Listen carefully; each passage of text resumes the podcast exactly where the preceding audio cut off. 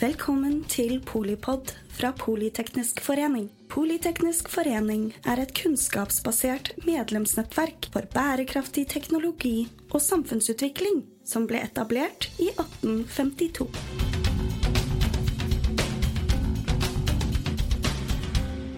Velkommen til Polipod direkte fra Arendalsuka. Eh, I dag har vi med oss Oline Sæther, som er leder for Norsk studentorganisasjon og medisinstudent. Og så har vi med oss Kristoffer Røneid, som er Yes. leder av Tekna student. Og du studerer fysikk og matematikk, stemmer det? Det stemmer. Ja. Og dere er jo begge to med i Politeknisk forenings studentnettverk, PF Next. Det stemmer. Så det er gøy å ha dere her sammen. Eh, hvordan, eh, hvordan har det vært på Arendalsuka så langt? Har dere, er det første gang dere er her, eller har dere vært her før? Det er første gang for meg. Jeg har hørt om det lenge og ønsket å ta turen innom, men eh, det er studiestart samtidig, så det har vært andre forpliktelser først. Men eh, det er kjempegøy å være her, og så mange folk og så mange arrangementer. Og, og som eh, leder av NSO så ble man invitert til en del, så det er stor stas. Mm, Kos meg. Hva har vært det morsomste til nå, da? Eh, det morsomste, og også det som har kanskje vært verst, har vært eh, På tirsdag så sto jeg opp eh, ti på seks for å rekke Nyhetsmorgen kvart på syv. Eh, og i dag så var det Politisk kvarter, som også er sånn kvart på åtte. Så det var tidlige morgener, da. Ja. Men også kjempegøy. Så ja. Og så har vi hatt vårt eget arrangement som har vært nesten like lenge som eh, Arendalsuka har eksistert, som heter Studentnasj. Ja. Som er liksom, Vi inviterer stortingspolitikere til å snakke om utdanningspolitikk. Og det var i går kveld, og det var kjempegøy. Jeg tenker at eh, stortingspolitikere, stortingspolitikerne egentlig burde starte en standup-klubb. Det var ja. Ah, okay. Ikke tørre og kjedelig, iallfall. Det, det skal sies. Det er gøy. Ja. Og du, Kristoffer? Eh, Ja, dette er min andre Arendalsuke. Mm. Jeg var med i studentutvalget i fjor i Tekna. Eh, Vi har som tradisjon at hele utvalget får lov til å dra.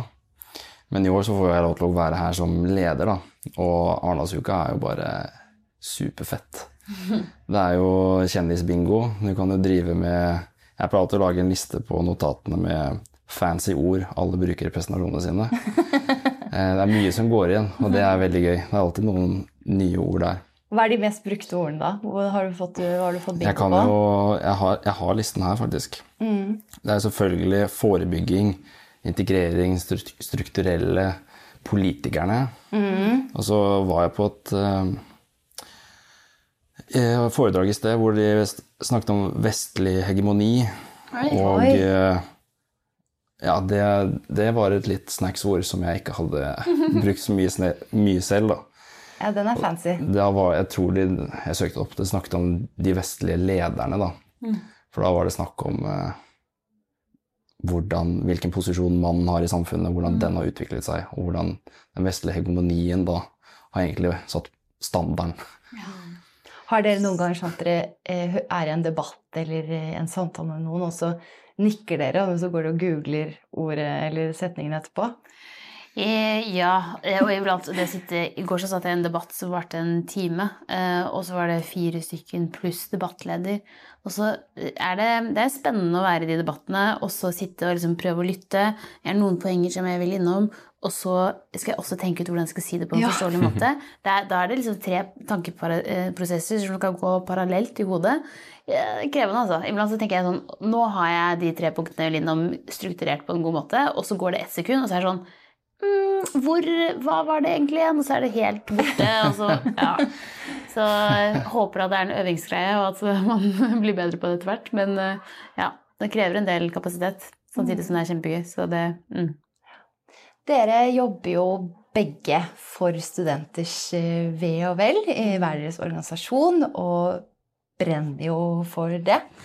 Så da tenkte jeg, hva, er det, hva skal vi snakke om når vi snakker om politikk? Tror man må snakke om eh, hvilken verden eh, man skal skape, da, for å bruke veldig store ord. Eh, og det er jo det politikk iallfall for meg handler om. Hvilke verktøy hvilke prosesser er det man skal sette i gang, og hva er det man skal prioritere når man skal tenke vi har disse ressursene, hvor er det vi skal, og hvordan skal vi komme oss dit? Og der er jeg opptatt av studentenes interesser i de spørsmålene, og at eh, det samfunnet som vi bygger i dag, med den politikken vi velger å gå for, at det er et samfunn jeg har lyst til å leve i resten av, resten av mitt liv. Da, og, og, sammen med mine medstudenter at vi også at vi har muligheter framover, og at vi bygger et samfunn som er basert på like muligheter og, og ja, bærekraft. Mm. Mm. Hvordan skal vi gjøre det da, på best mulig måte? Man må stille de gode spørsmålene, og så må man lytte til eh, de folkene som berøres av problemstillingene. Så det jeg snakker mest om, handler jo om hvordan er det å være student i dag, og hvordan skal man legge til rette for det. Og det, hvis det er to spørsmål som eh, jeg har snakket mye om så langt i Arendalsuka, så handler det om eh, premissene for å være student med tanke på økonomi, og at vi ser at i dag kom det ut tall hvor 10 000 står 10 000 studenter står i boligkø og mm. da kanskje ikke har funnet bolig i tide til studiestart. Og jeg bare tenker på meg selv da jeg skulle starte å studere, så flyttet jeg til en ny by. Jeg hadde aldri bodd i stor by før. Men jeg hadde iallfall en bolig, eh, og jeg hadde et sted å være, et sted å på en måte flytte inn.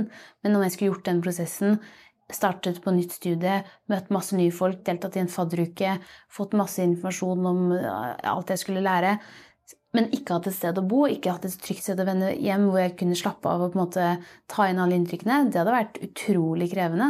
Så, det at studentenes måte, eh, studiestart blir bra, og at man har et ja, trygt sted å bo, men også at man har en studentøkonomi som går rundt. Noen av de løsningene som tilbyr studenter uten bolig, er hotellavtaler med 5500 kroner for et hotellrom for en uke. Som Oi. ja, det er halv pris, men det betyr jo over 20 000 for en måned. Og det hadde tatt opp hele mitt, min utbetaling for august da, på studiestøtta. Så det er jo det er kriseløsninger som er bra at man finner, finner kriseløsninger, men det er jo helt krise, de løsningene man finner. Ja.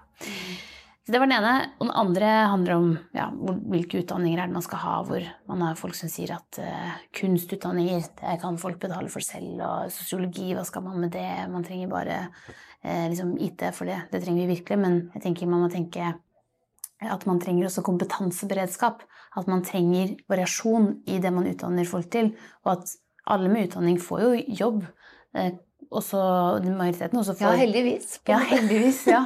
Og at det handler ikke alltid om hva man studerer og hva man trenger, eller hva man lærer noe om, men det å lære er noe i seg selv, og utdanning har en verdi i seg selv. Mm. Og derfor må vi ha litt av alt, for vi vet jo ikke hvilke kriser som kommer om ti år, eh, og hvilken kompetanse vi trenger da. Så da trenger vi kompetanseberedskap. Ja. Ja. Så det var to av mine liksom, hjertesaker da, for denne uka. Mm. Ja, det er kompetanseberedskap. Det er et mm. Veldig godt ord, syns jeg. Mm. Hva tenker du, Kristoffer? Det samme som Oline. Samme som Oline. veldig greit oppsummert, egentlig. Ja. Nei, men da kan vi bare avslutte det. Nei, men jeg er veldig, veldig enig i det Oline sier. Vi, min oppgave er jo å snakke om studentene. Og hvordan vi kan fremme studentene i politikken. Og det er de sakene som berører oss direkte, vi er opptatt av. Og da har jo det i hovedsak vært studentøkonomi, som ble nevnt. Mm. Og så studenters mentale helse. Det er i hovedsak de to tematikkene som vi har prøvd å Hvordan står det til med studentenes eh, mentale helse, da? Den mentale helsen? Mm. Eh, vi har gjort eh, våre egne undersøkelser. Det her går jo Det er jo Tekna sin, da, så det er basert på eh, Tekna-medlemmer. Men så har vi også SHoT-undersøkelsen, som er blant alle. Og etter eh, SHoT-undersøkelsene så har det vært fra 2010 til 2022 så har det vært en dobling i antall studenter som føler at de har en psykisk plage. Mm. Det går til hver, Nå i 2022 så var det hver tredje student følte at de hadde en alvorlig psykisk plage. Og det er noe man må virkelig ta på alvor. Fordi det er jo ikke en diagnose, men det er noe man føler på. Når det kommer på mentale helsen, så handler det om din sinnstilstand.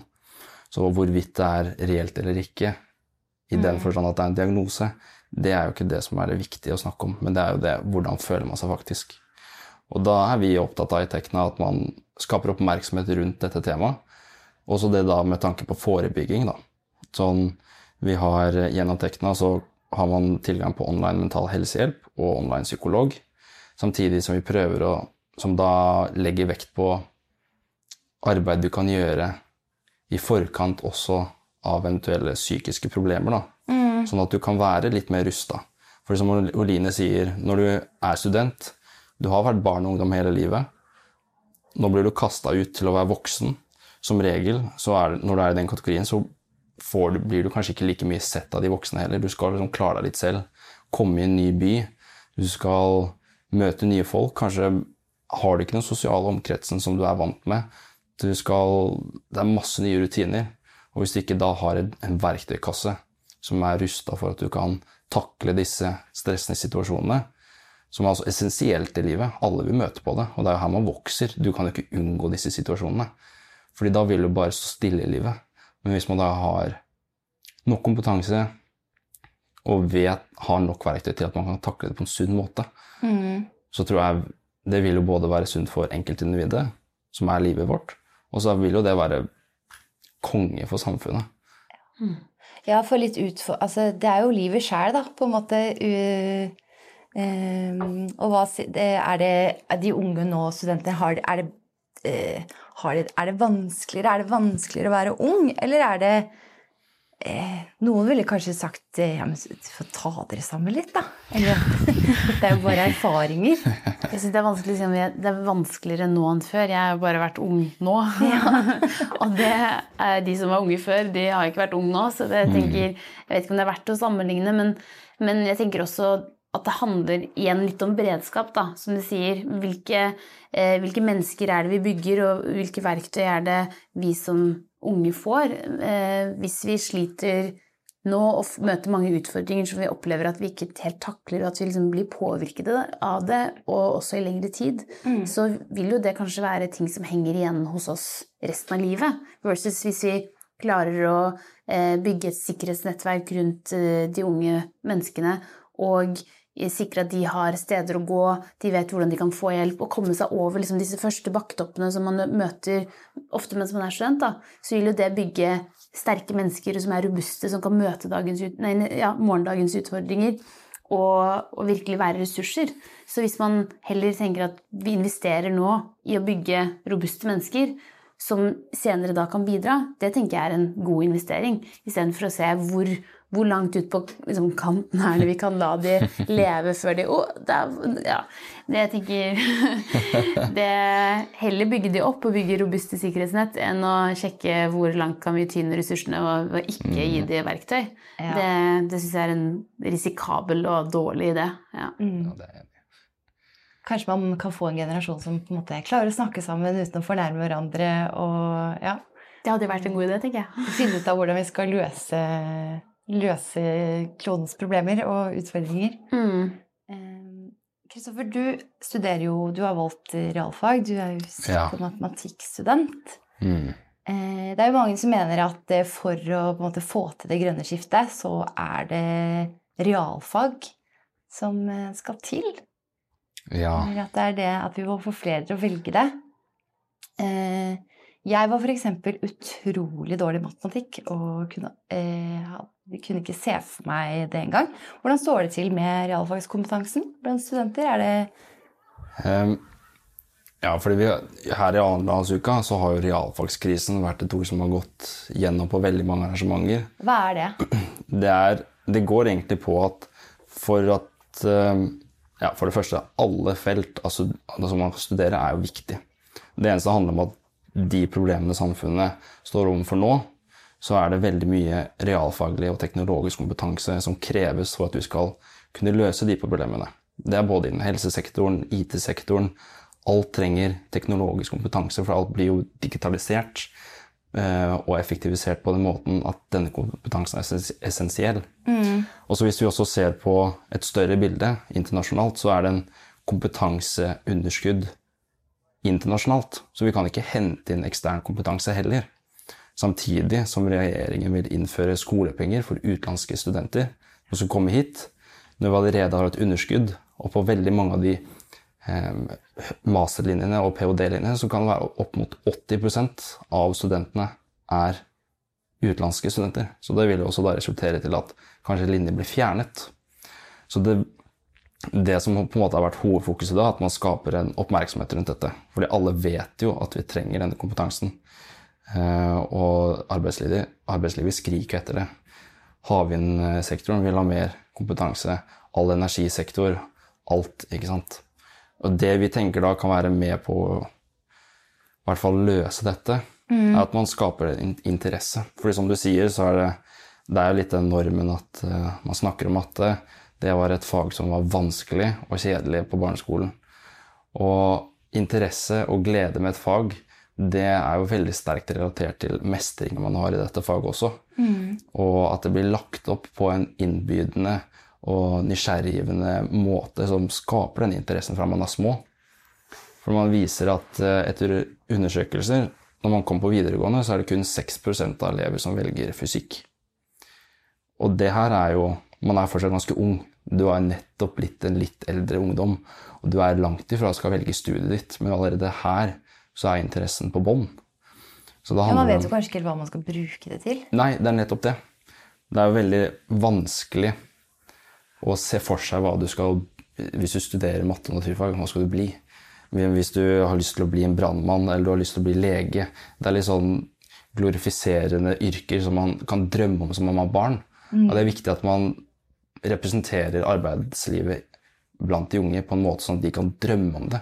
Man har jo så veldig store ambisjoner når man er barn.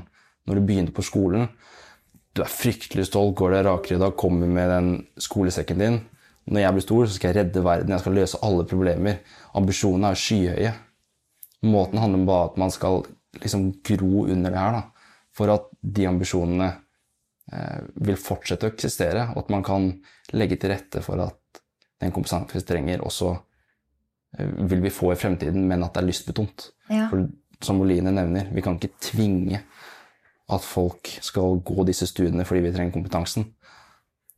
Det vil jo bare virke mot sin hensikt, vil jeg tenke da. Hvordan skal man gjøre det, da? Bygge motivasjon, som Kristoffer sier. altså Gjøre det attraktivt og gøy. Mm. Eh, Jeg husker selv jeg hold, Etter tre år på medisinstudiet så syns jeg det var lite spennende. Altså det var spennende, men jeg bare klarte ikke å motivere meg for det. Og da eh, måtte jeg ta et pauseår. Så det var mitt første pauseår fordi jeg rett og slett ikke var motivert. Og når man ikke er motivert eller ikke opplever mestring og glede, da blir ting vondt og vanskelig, og så mister man interessen, og så finner man heller på andre ting som gjør ting eh, gøy. Jeg har jo selv valgt å studere realfag, for jeg syns at realfag alltid har vært veldig gøy. Men jeg har også møtt på lærere, og jeg har alltid hatt mine beste venninner fra barneskolen var også veldig glad i matte, så matte var liksom det var vår greie, da. Vi satt og gjorde lekser hjemme, og liksom det var eh, Noen er glad i quiz, jeg var glad i å løse regnestykker. Å, det er Alle trenger en god mattevenn. ja, mattevenn. Og jeg tenker at mm, eh, man sier jo at liksom, matte er et fag man er god i eller ikke god i. Og det forstår jeg ut fra opplevelsen av å mestre det eller ikke mestre det. Men jeg tror også egentlig så kan man like godt si at folk lærer forskjellig, og noen eh, lærer på den måten man underviser i dag, mens andre ikke opplever mestring og glede gjennom den metoden. Og da må man finne andre metoder for å oppnå mestring og glede innenfor realfag også hos den gruppen. Da. Eh, Jeg hadde flaks og liksom opplevde mestring gjennom skolesystemet, men det er det ingen garanti for at man gjør.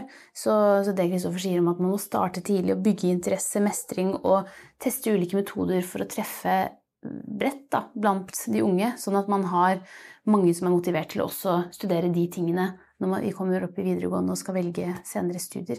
Det tror jeg er løsningen. Og da, ja, det handler liksom om beredskap igjen, da, på en måte. Å starte tidlig og tenke bredt, sånn at man har mye å velge, mel, velge mellom når man plutselig trenger kompetansen. Ja, og at det, kan- at det går an å gjøre sånn som deg, da. Ta en pause, f.eks. Mm. Og om du begynte på et studie fordi du tenkte at du måtte, da hopper av det, så er det ikke bortkasta, men du har, jo, du har jo lært noe. Og Ja. det går i den, den beredskapstanken.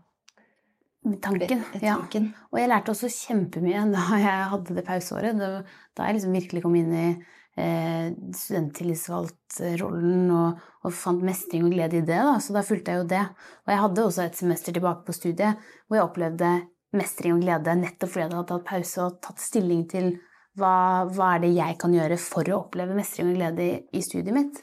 Så ja, det, det ha tid til pauser og se verdien av de pausene, og så må man virkelig bygge opp under mestring og glede fra tidlig av, tenker jeg. Mm. To ting som er viktige.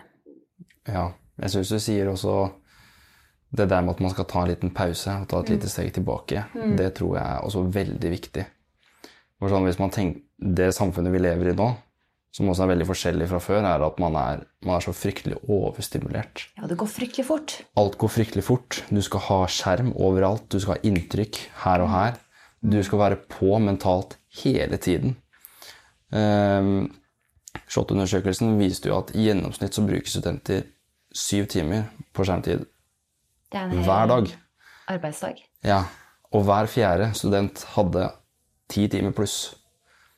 Du får jo ikke noe tid til å på en måte reflektere over hvem er du, hva er det du ønsker, og disse viktige spørsmålene som man må stille seg innimellom. Da, da både med tanke på hva er det du egentlig er interessert i, men du vil jo også være mye Du vil, vil være i en sinnstilstand som er at du hele tiden er liksom tappa.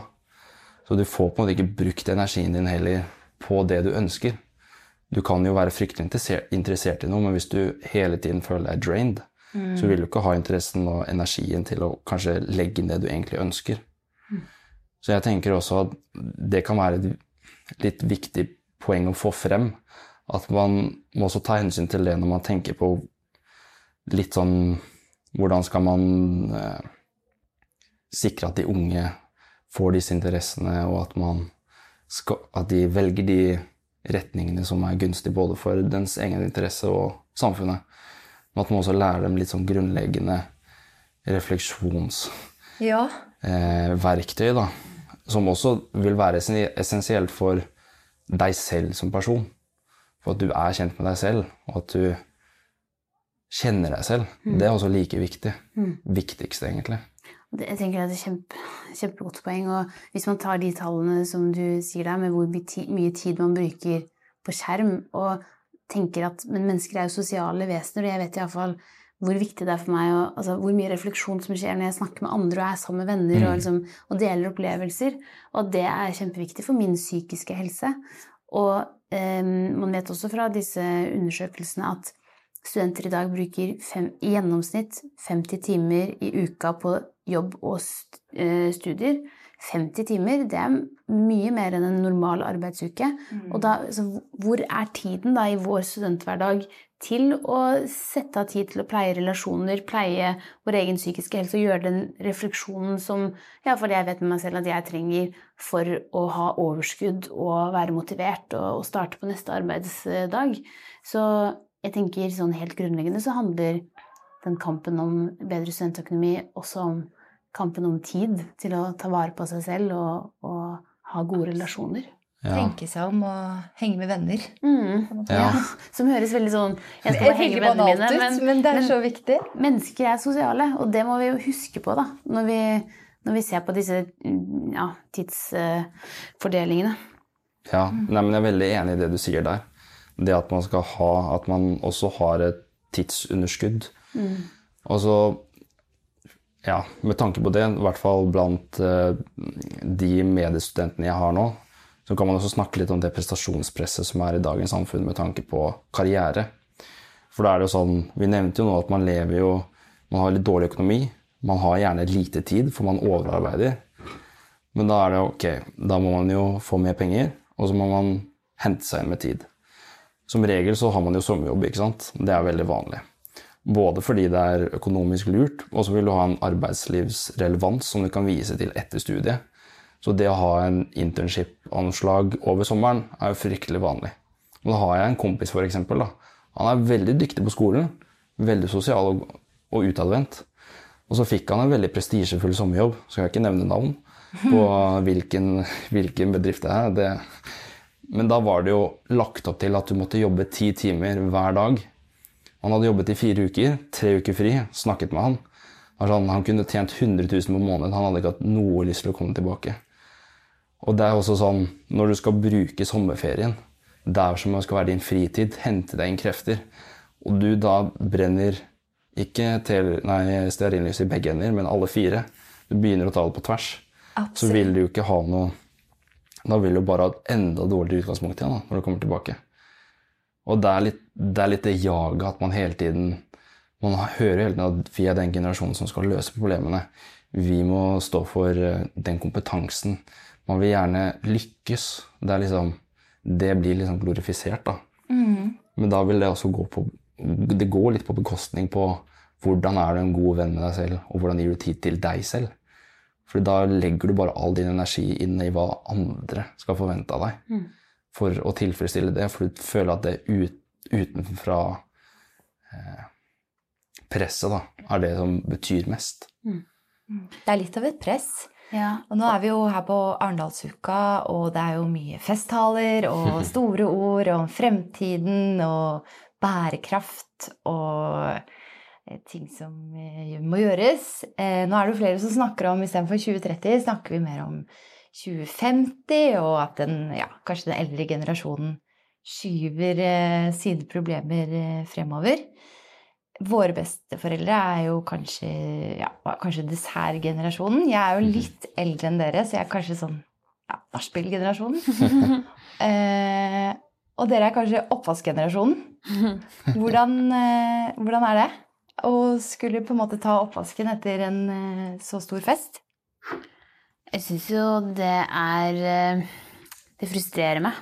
Eh, Vi sitter her og begge to er i panelsamtaler hvor vi snakker med den liksom voksne generasjonen, den som har topplederjobben i næringslivet, og sier hva vi trenger. Og så er det mange som nikker og smiler og er enige. Og så, men ja, men hvor er, hvor er handlekraften? Hvor er, en ting er å nikke og smile og del, eller invitere oss inn i panelsamtaler, men jeg forventer jo også at de gjør ting med de eh, stillingene de har, og, og den makten de har til å prioritere, sånn at vi også har muligheter når vi kommer ut i arbeidslivet og skal kanskje etter hvert også få, få stillinger hvor vi kan bestemme ting på vegne av den neste generasjonen.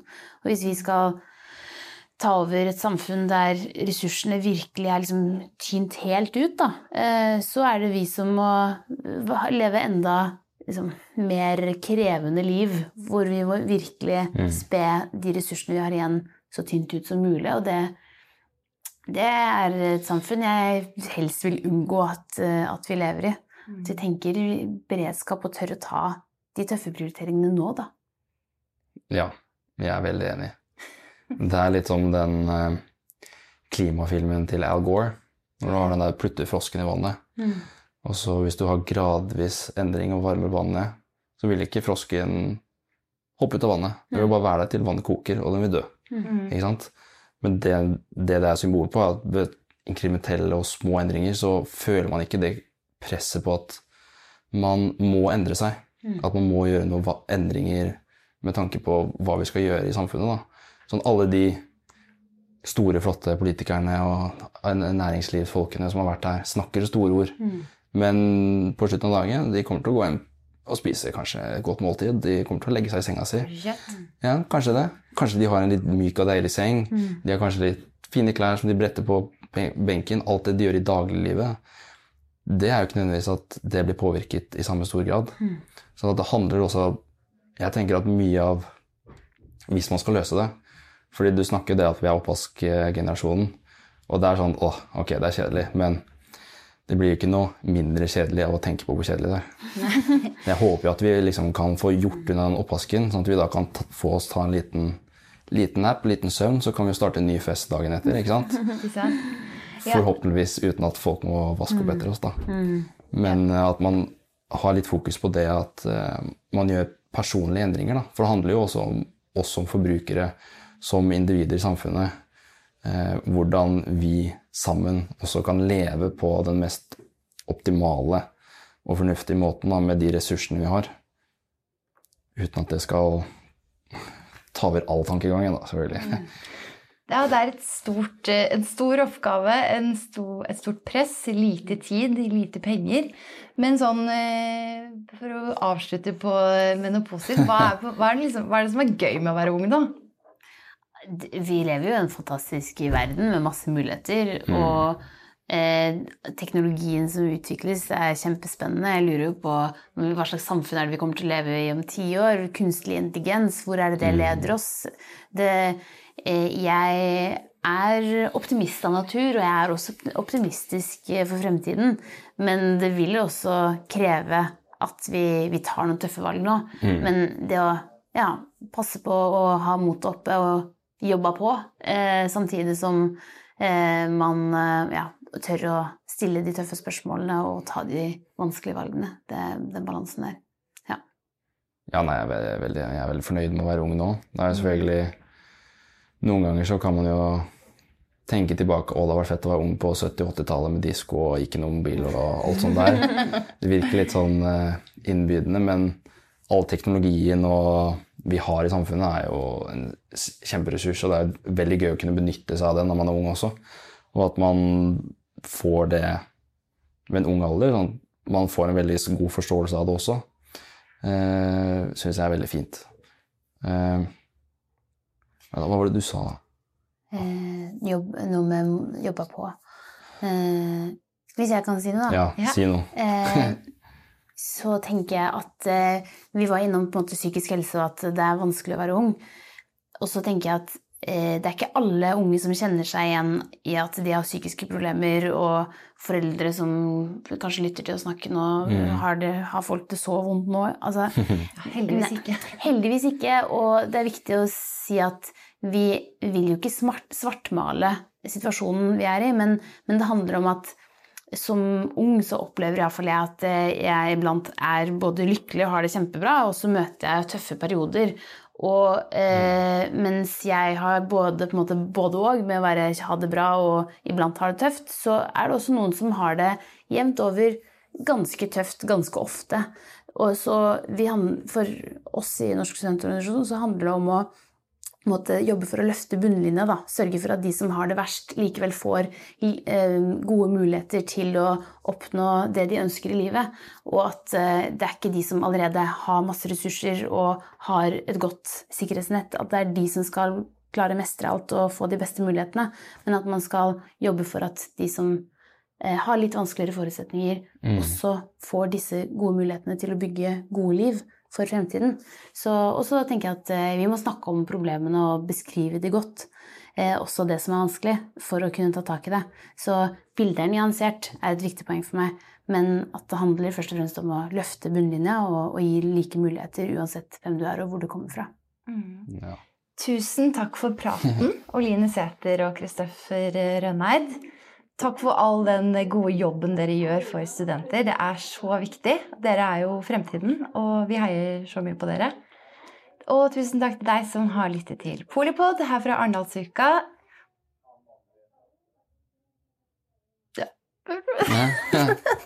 Jeg husker ikke hva jeg skulle si på slutten, men eh, Takk for at du lyttet til Polipod fra Politeknisk forening. Få med deg flere episoder, eller bli med på nettverksmøtene, som du finner ved å søke at polyteknisk, eller gå på vår hjemmeside polyteknisk.no.